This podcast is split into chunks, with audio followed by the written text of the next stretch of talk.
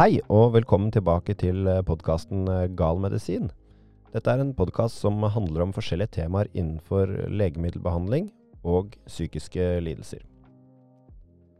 Podkasten produseres av Senter for psykofarmakologi i Oslo, og jeg heter Erik Sveberg Dietrichs.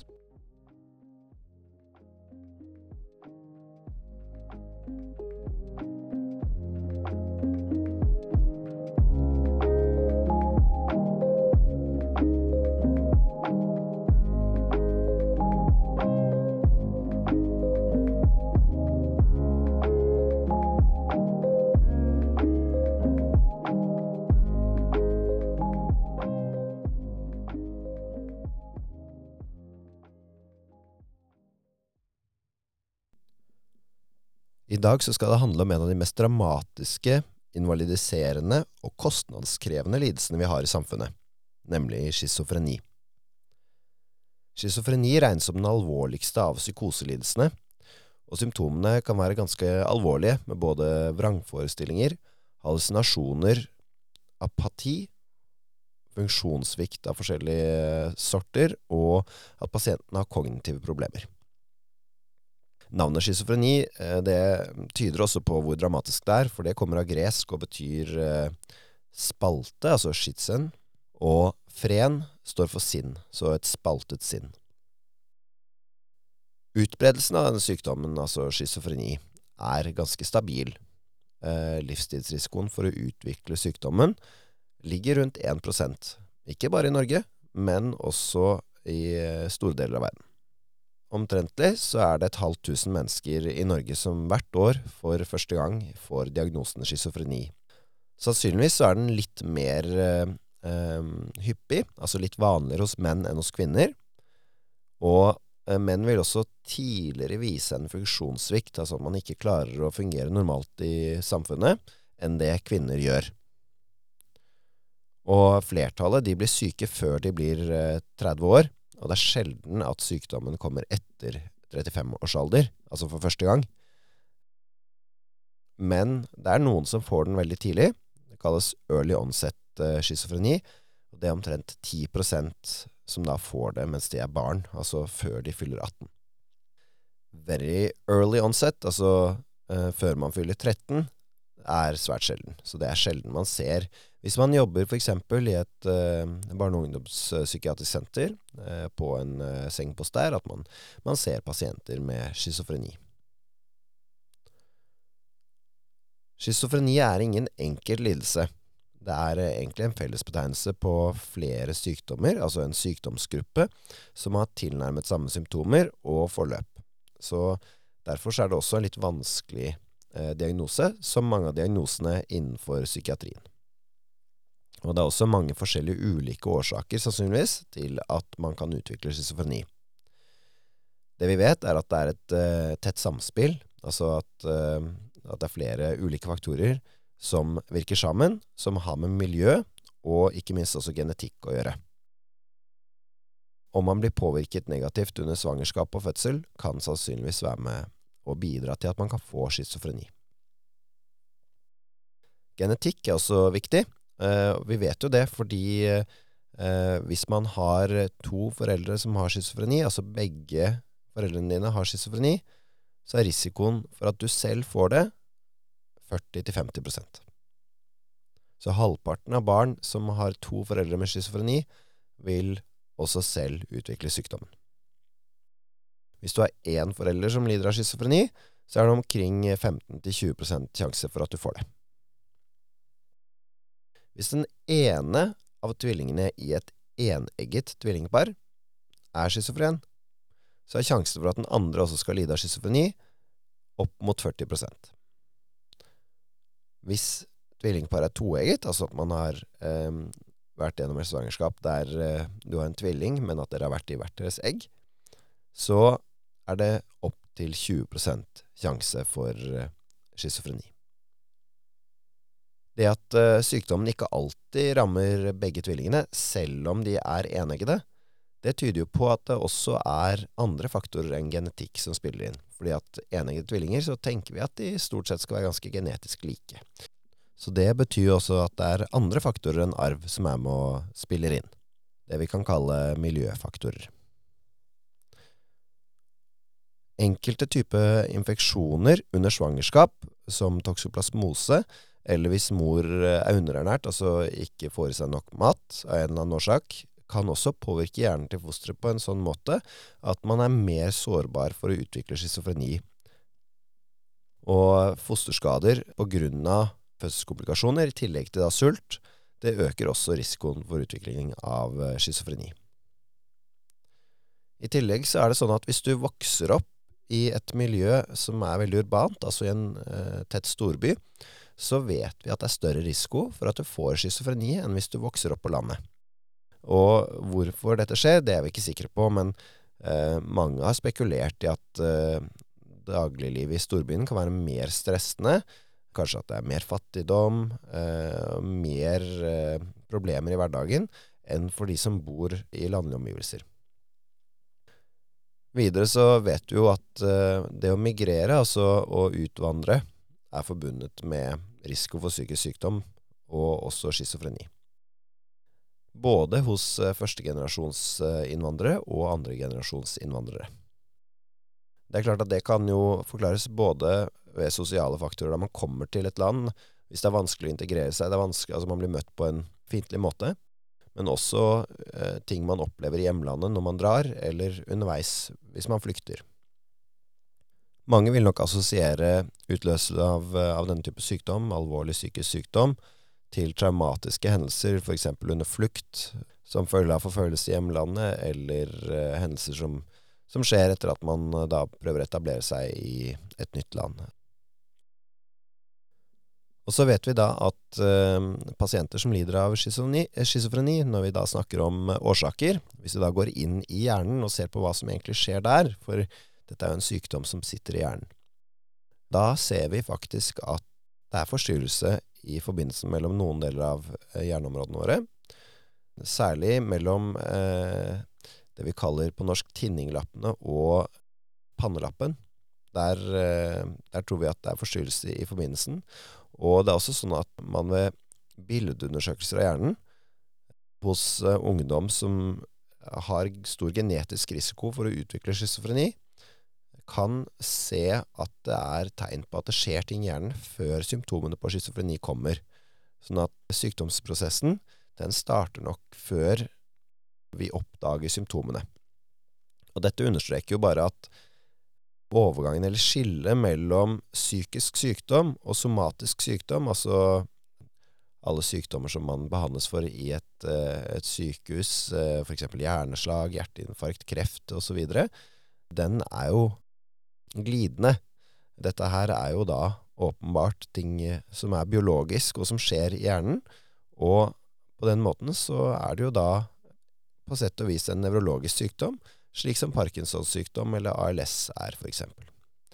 Så overgangen her er glidende, men symptomene er altså da det vi forbinder med psykiske lidelser, altså eh, schizofreni, som vi da kommer litt tilbake til. Altså er det helt etablert at det skjer ting i hjernen ved utvikling av schizofreni, men vi vet at det er stor sannsynlighet for at familieforhold, altså dårlige familieforhold, eh, traumer i oppveksten, dårlig eh, oppfølging og oppdragelse kan være relatert til at man får utløst schizofreni, og at pasienter som da allerede er sårbare for å få den type lidelser, kan få det utløst. Det samme gjelder rusmiddelmisbruk. Ungdom som bruker cannabis, har økt risiko for å utvikle schizofreni, men i tillegg så synes det også som den type rus kan føre til et mer komplisert forløp. Generelt så er det samme risiko ved alle typer rusmiddelmisbruk, og også eh, bruk av anabole steroider kan forverre alvorlighet av eh, schizofrenisykdommen.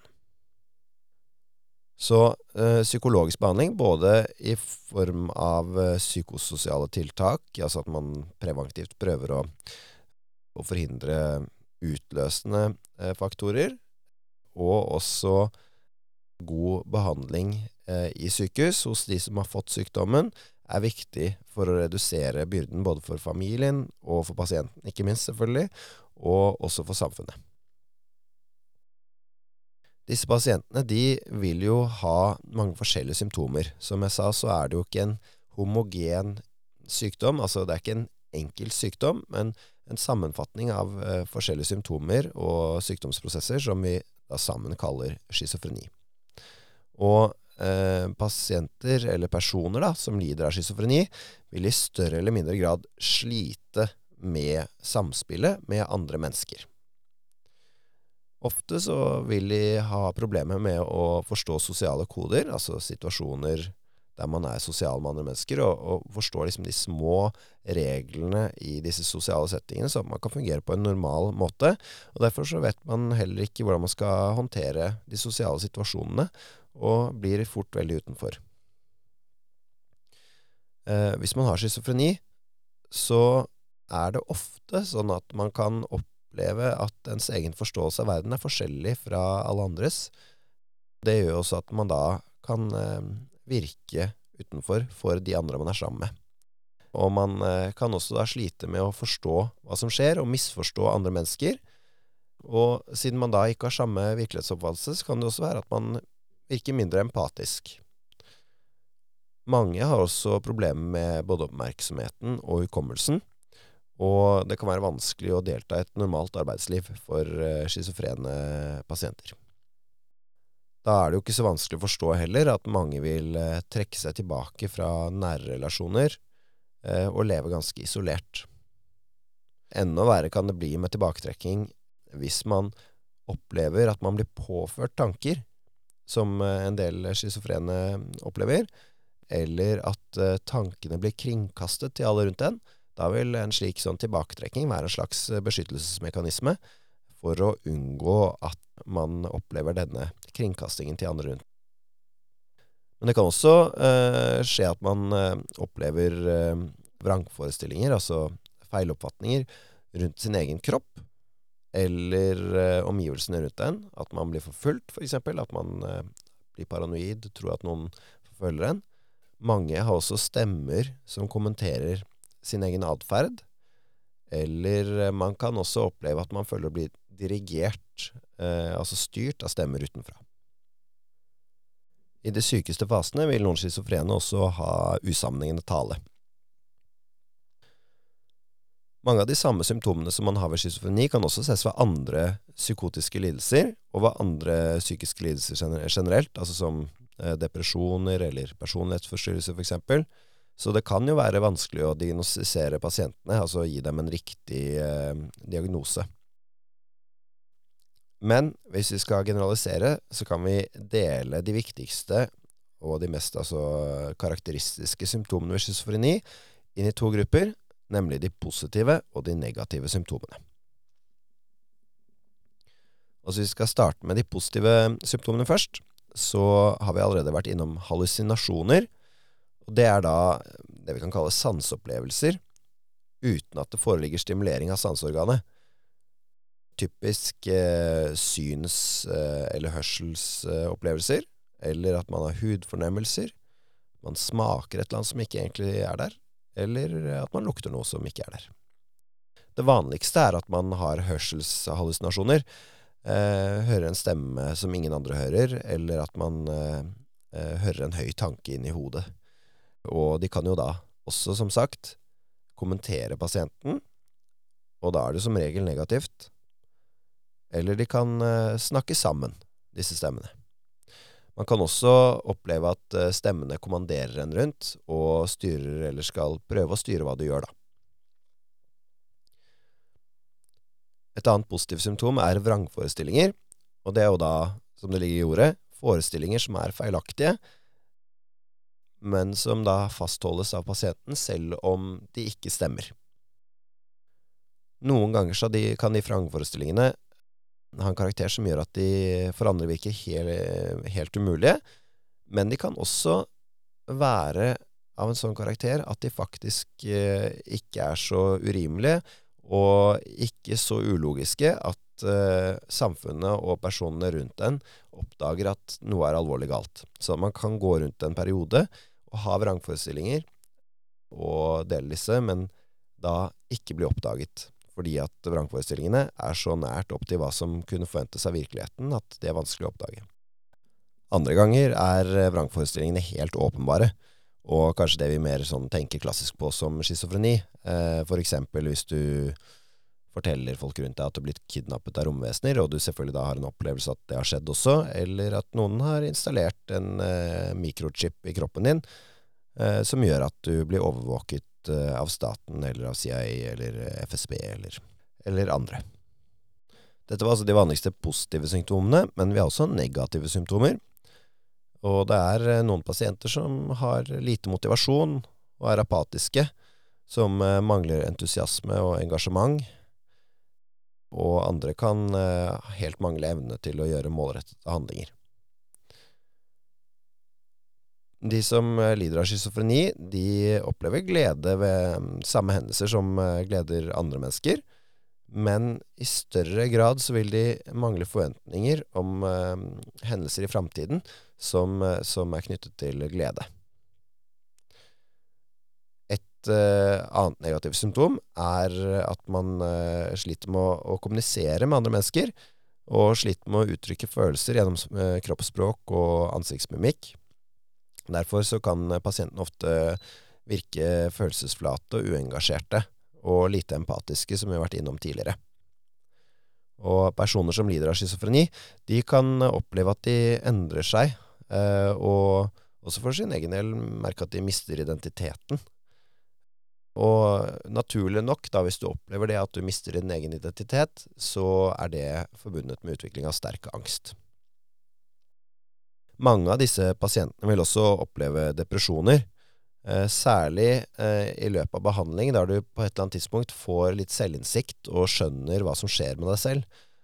I en uh, slik situasjon så er det en viss risiko for suicidalitet blant pasientene. De fleste personer som lider av schizofreni, har det naturlig nok psykisk svært ille. De lider. Og mange som da isolerer seg selv, de vil lide i stillhet. Hvis de er ubehandlet, forsøker de ofte å holde seg borte fra for mye kontakt med andre mennesker. Det er altså en, en på mange måter grusom sykdom, både for pasientene, men også for familie og samfunnet rundt eh, pasientene.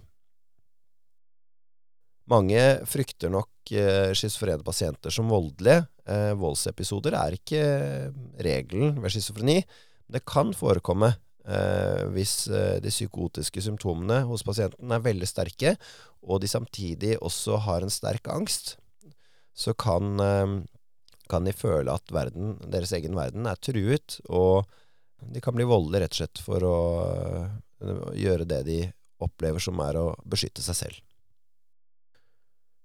Ubehandlet så er det også sånn at enkelte eh, kan bli voldelige fordi at de kommanderes og stemmer. Men eh, systematisk vold som ledd i at pasienten har vrangforestillinger, er veldig sjelden. Og de få som, som utøver slik vold, altså som en del av sykdommen, de blir, når de blir plukket opp av helsevesenet, de blir eh, stort sett behandlet på sikkerhetsavdelinger, som er lukkede psykiatriske avdelinger, der det er særlig høy sikkerhet, sånn at de da ikke skal være til fare for andre. Behandlingen av schizofreni er alltid kombinert av flere forskjellige tiltak.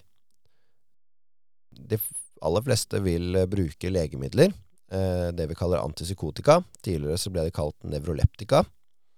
Uh, og de uh, brukes for å motvirke de biologiske prosessene som vi mener er til stede i hjernen, og som fører til at pasientene blir syke. Hos noen så kan det være vanskelig å følge opp behandlingen, og derfor så kan det også være aktuelt å bruke uh, depotpreparater, slik at man slipper å huske å ta tabletten hver dag. og det er da f.eks. injeksjoner med medisin som varer over lengre tid psykoterapi, altså samtaleterapi, gis for å optimalisere eh, mestringen av sykdommen sin og bearbeide smertefulle opplevelser som er knytta til sykdommen. Det er jo som sagt da en sykdom som er forbundet med både klart mye skam og angst og, og utvikling av også eh, depresjon. For mange så kan det være viktig også å drive med sosial ferdighetstrening. og trene på å klare seg selv og bo alene. Og få et bedre funksjonsnivå. Og det er viktig også, eh, hvis det er mulig, å involvere familie da i, i eh, forløpet som en behandlingsressurs, og som også kan være med å bidra til at pasienten da til en viss grad kan eh, leve et normalt liv. I akutte faser av sykdommen så er det jo sånn at uh, mange av disse pasientene trenger sykehusinnleggelse. Både uh, for å beskytte seg selv og andre, og da unngå en betydelig forverring av sin sykdomsprosess. Og uh, da kan det jo av og til være snakk om tvangsinnleggelse, særlig hvis det er akutt risiko for skade på en selv eller andre. Hvis man får tidlig og optimal behandling, så er det 20-40% av disse pasientene som kan bli rimelig bra uten betydelig funksjonssvikt, selv om det ofte vil kunne forekomme dårlige perioder hos, hos disse pasientene. Videre så er det 20-40 eh, som også har grader av funksjonssvikt og plager, men som kan ha et, eh, det man kan kalle et akseptabelt eh, liv. Men så er det jo også da noen som, som forblir ganske dårlig resterende 20-30% som, som vil ha vedvarende problemer. Men ofte også vil disse ha bedre episoder, da. Men mange vil jo være i kontakt med helsevesenet over lang, lang tid.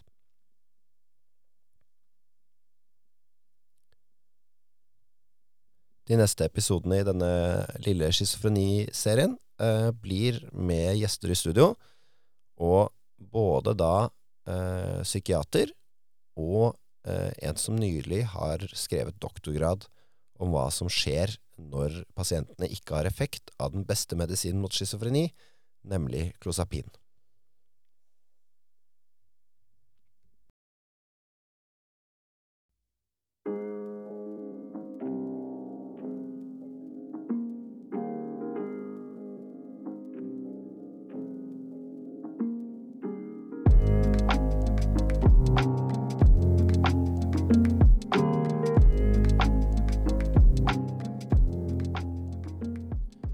Nå hørt en eh, episode av podkasten Gal medisin, som er produsert av Senter for psykofarmakli ved Diakonhjemmet sykehus i Oslo.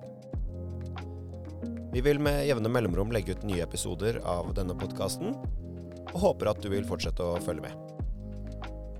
Takk for nå.